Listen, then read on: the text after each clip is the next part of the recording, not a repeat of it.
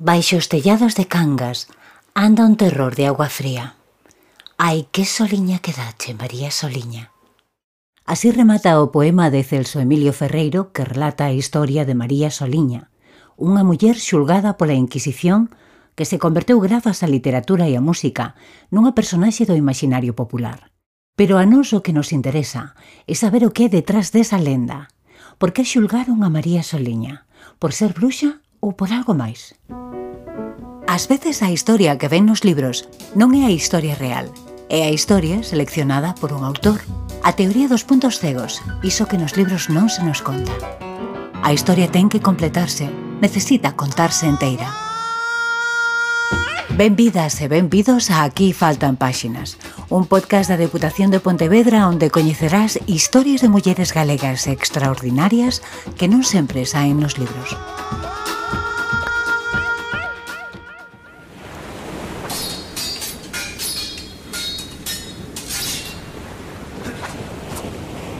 Os datos históricos sinalan que entre os anos 1599 e 1639 atacan as costas de Vigo e a península do Morrazo decenas de naves de corsarios que recibían este nome por teren licenza real e tamén de piratas que traballaban pola súa conta pero que ás veces repartían beneficios coas coroas que os patrocinaban. Foi un período convulso de grandes perdas económicas e humanas.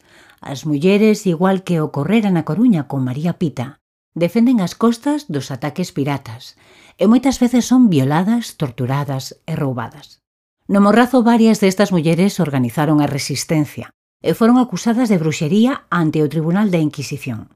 María Soliña foi unha delas. A súa historia chegou excelentemente documentada ata os nosos días e converteuse nun símbolo do sufrimento do povo e moi especialmente dos abusos do poder contra as mulleres.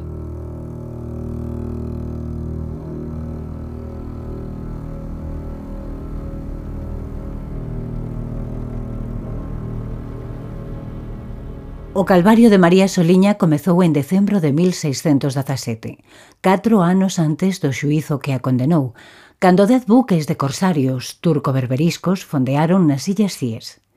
Tras tentar desembarcar en Vigo sen éxito, atacaron Moaña e finalmente dirixíronse a Cangas, que por aquel entón era unha próspera vila de pescadores.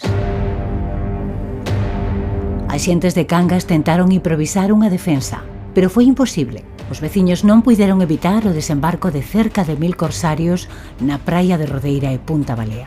Arresaron Cangas e os seus arredores, deixando ao seu paso dúcias de cadáveres e reducindo a cinzas a localidade. Levaron con eles un abundante botín e tamén a moitas persoas que foron capturadas como escravas. Foron tres días de devastación e moitos mortos, entre eles o pescador Pedro Barba, o home de María Soliña, que tamén perdeu neste ataque o seu irmán, e viu como levaban preso o seu sobrinho.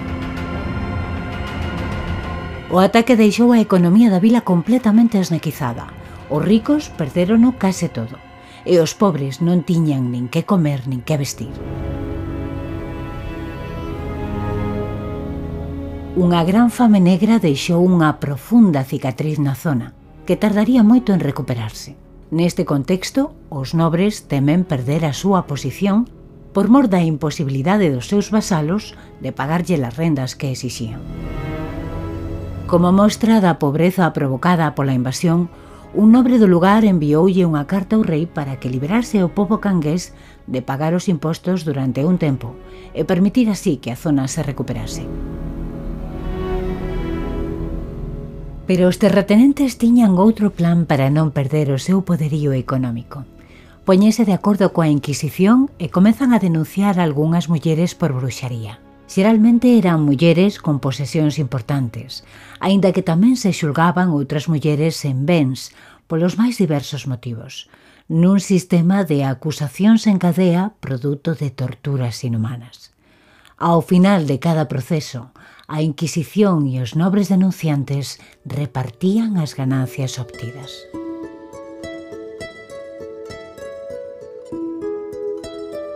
Entre as mulleres que esa nobreza sinalou como bruxa, atopábase María Soliño ou Soliña, que é a forma do apelido que máis veces aparece escrita na documentación. María nacera en Cangas en 1551 e estaba casada con Pedro Barba, un próspero pescador coa súa propia embarcación e unha empresa de venda de peixe, unha sorte de cooperativa de pesca coa que comercializaba a un e outro lado da ría o peixe que se pescaba en Cangas. A familia vivía nunha casa de patín no centro do pobo e eran propietarios de varias leiras, dunha dorna, dereito de sepultura no altar maior da colexiata de Cangas e o máis importante, dereitos de presentación en San Martiño de Moaña e San Cibrao de Aldán. Estes dereitos permitían aos seus titulares percibir parte dos beneficios que xerase a parroquia. Alugueiros de terras, diezmos, esmolas, gozaban, por tanto, dunha posición acomodada e tiñan certo poder. Os nobres viron unha oportunidade nas posesións de María que perdera o seu marido e parte da súa familia no ataque turco así que orquestraron unha acusación por bruxería contra ela.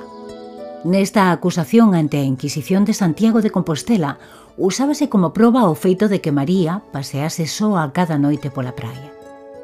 Isto foi motivo suficiente para acusala de acudir ao aquelarre, cando en realidade o que facía era tentar xestionar o seu dó visitando a praia, onde vira os seus seres queridos por última vez – para rezar por eles e pedir que o mar devolvese os seus corpos para darlle sepultura.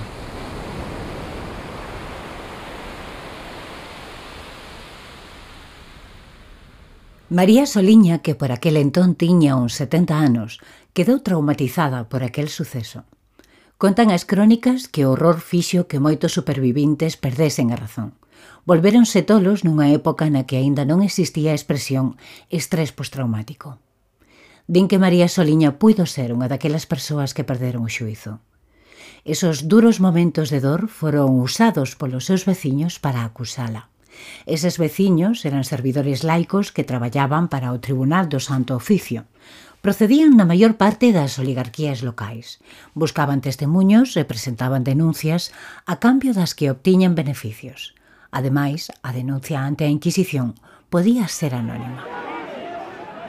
No ano de 1621, membros do Tribunal da Santa Inquisición de Santiago arrestan a María Soliña e a outras nove mulleres por diferentes acusacións relacionadas coa bruxería. Levan aos calabozos do Santo Oficio onde son obrigadas a confesar baixo tortura. Os seus bens e dereitos son requisados.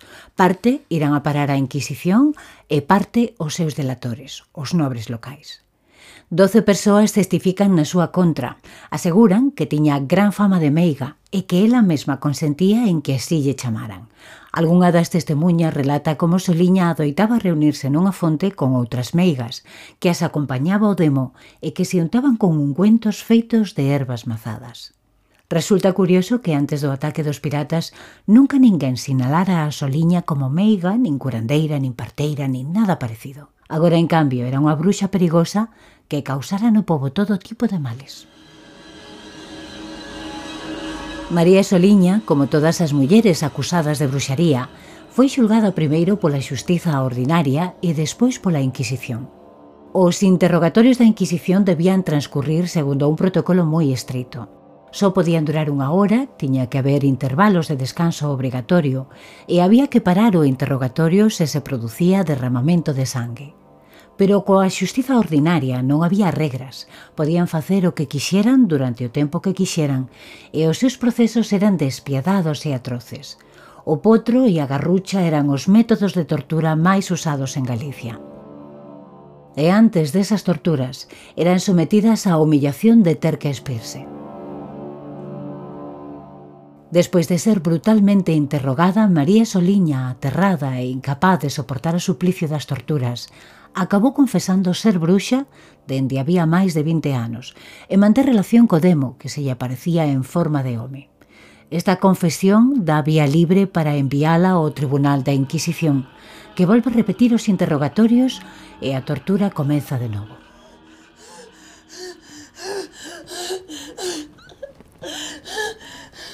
Que fixeches no solsticio de verán? Fala da xuntanza da noite das bruxas.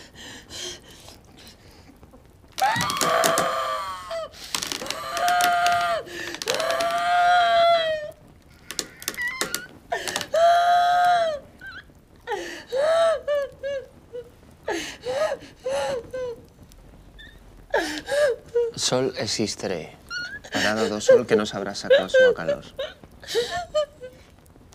Contesta. Fuches ou non fuches o bosque de Soabela. Confesa que és culpável de bruxería.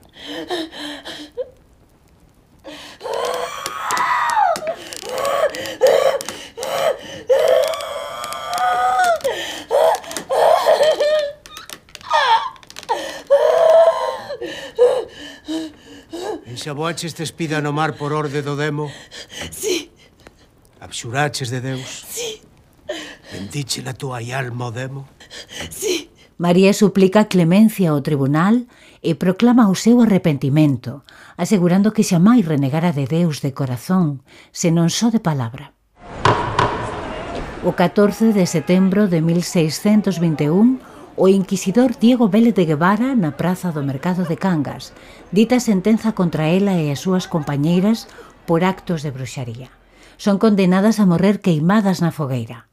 Pero o Santo Oficio comuta esa pena pola de levar durante seis meses o San Benito, un hábito de penitente que a marcaba como proscrita, aínda que é probable que non chegase a cumprir este castigo. Descoñécese a data e a causa da morte de María, pero todo indica que non sobreviviu ao calvario da tortura, a que foi sometida á idade de 70 anos, e que faleceu pouco despois da súa posta en liberdade. A trampa histórica di que en España a Inquisición matou pouco, pero ninguén conta a todas as mulleres que morreron vítimas das torturas durante ou despois dos interrogatorios, e a outras tantas que se suicidaron en prisión. Co cal, a realidade é moito máis dramática que as cifras oficiais. A caza de bruxas foi un sistema bendecido polo mesmo Papa, que sentenciou a miles de mulleres inocentes en toda Europa e tamén en América.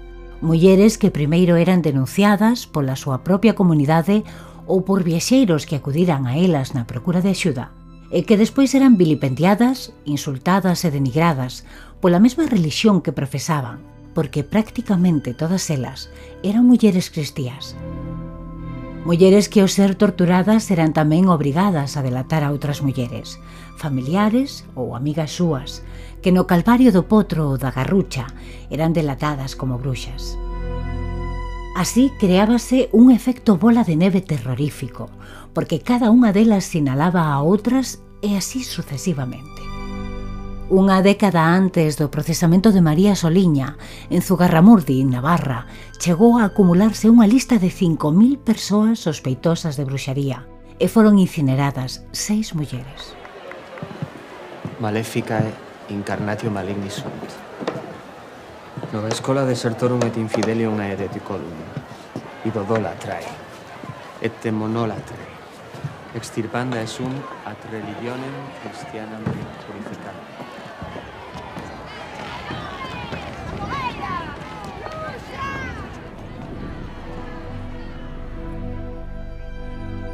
Libros como Maleus Maleficarum, escrito polo crego católico alemán Heinrich Kramer, e coñecido tamén como Martelo das Meigas, era o tratado de bruxaría usado para xulgar a estas mulleres en toda a Europa. O libro consideraba as mulleres as culpables de todos os males do mundo – E ademais Kramer e os cazadores de bruxas e inquisidores crían que existía unha secta internacional de bruxas adoradoras do demo que estaban preparando a apocalipse, a fin do mundo. Así que consideraban que era unha cuestión de supervivencia combater a bruxaría como a peor herexía do mundo.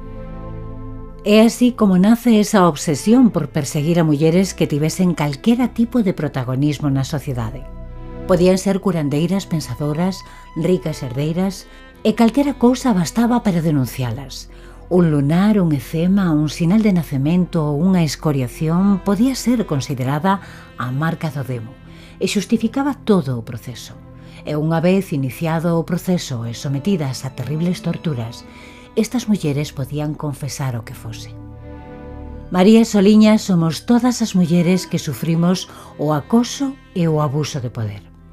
A doutora en filosofía Chis Oliveira Malvar sostén que a caza de bruxas respondeu a unha política de control social e a unha violencia institucionalizada, sistemática e estructural contra as mulleres, de carácter exemplarizante, é dicir, matar a algunhas para asustar a todas.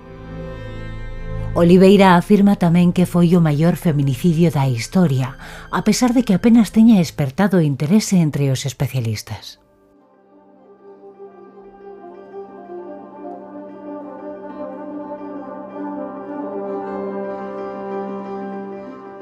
A historia de María Soliña conecta directamente coas teses da filósofa Silvia Federici, que demostran que o uso da violencia contra as mulleres a través da caza de bruxas nos séculos XVI e XVII non foi máis que unha ferramenta de control durante a transición ao capitalismo, que tiña como obxectivo someter as mulleres para que asumisen sen protestar as tarefas domésticas e de cuidados necesarias para conseguir que funcionase todo o sistema. As transgresoras, as que non se sometían a ese control, non eran útiles para o sistema e por riba daban mal exemplo e resultaban subversivas para a nova orde social. A ignorancia presidía a vida cotiá en aquel entón, a maxia, a bruxería e todo o sobrenatural, todo o que non controlaba a relixión, era considerado unha ameaza para o poder. Hoxe, desde o feminismo, sabemos que as bruxas foron mulleres con poderes froito da súa intelixencia e coñecementos. Mulleres non domesticadas, sabias e independentes, parteiras, curandeiras, en algúns casos visionarias ou chamanas, mulleres valentes que transmitían os seus saberes de xeración en xeración. Porque a bruxa é unha icona feminista símbolo da liberación que sempre estivo ligada ao subversivo. Bruxas podemos ser todas, porque nós somos as netas de aquelas que queimaron e das que non puideron queimar.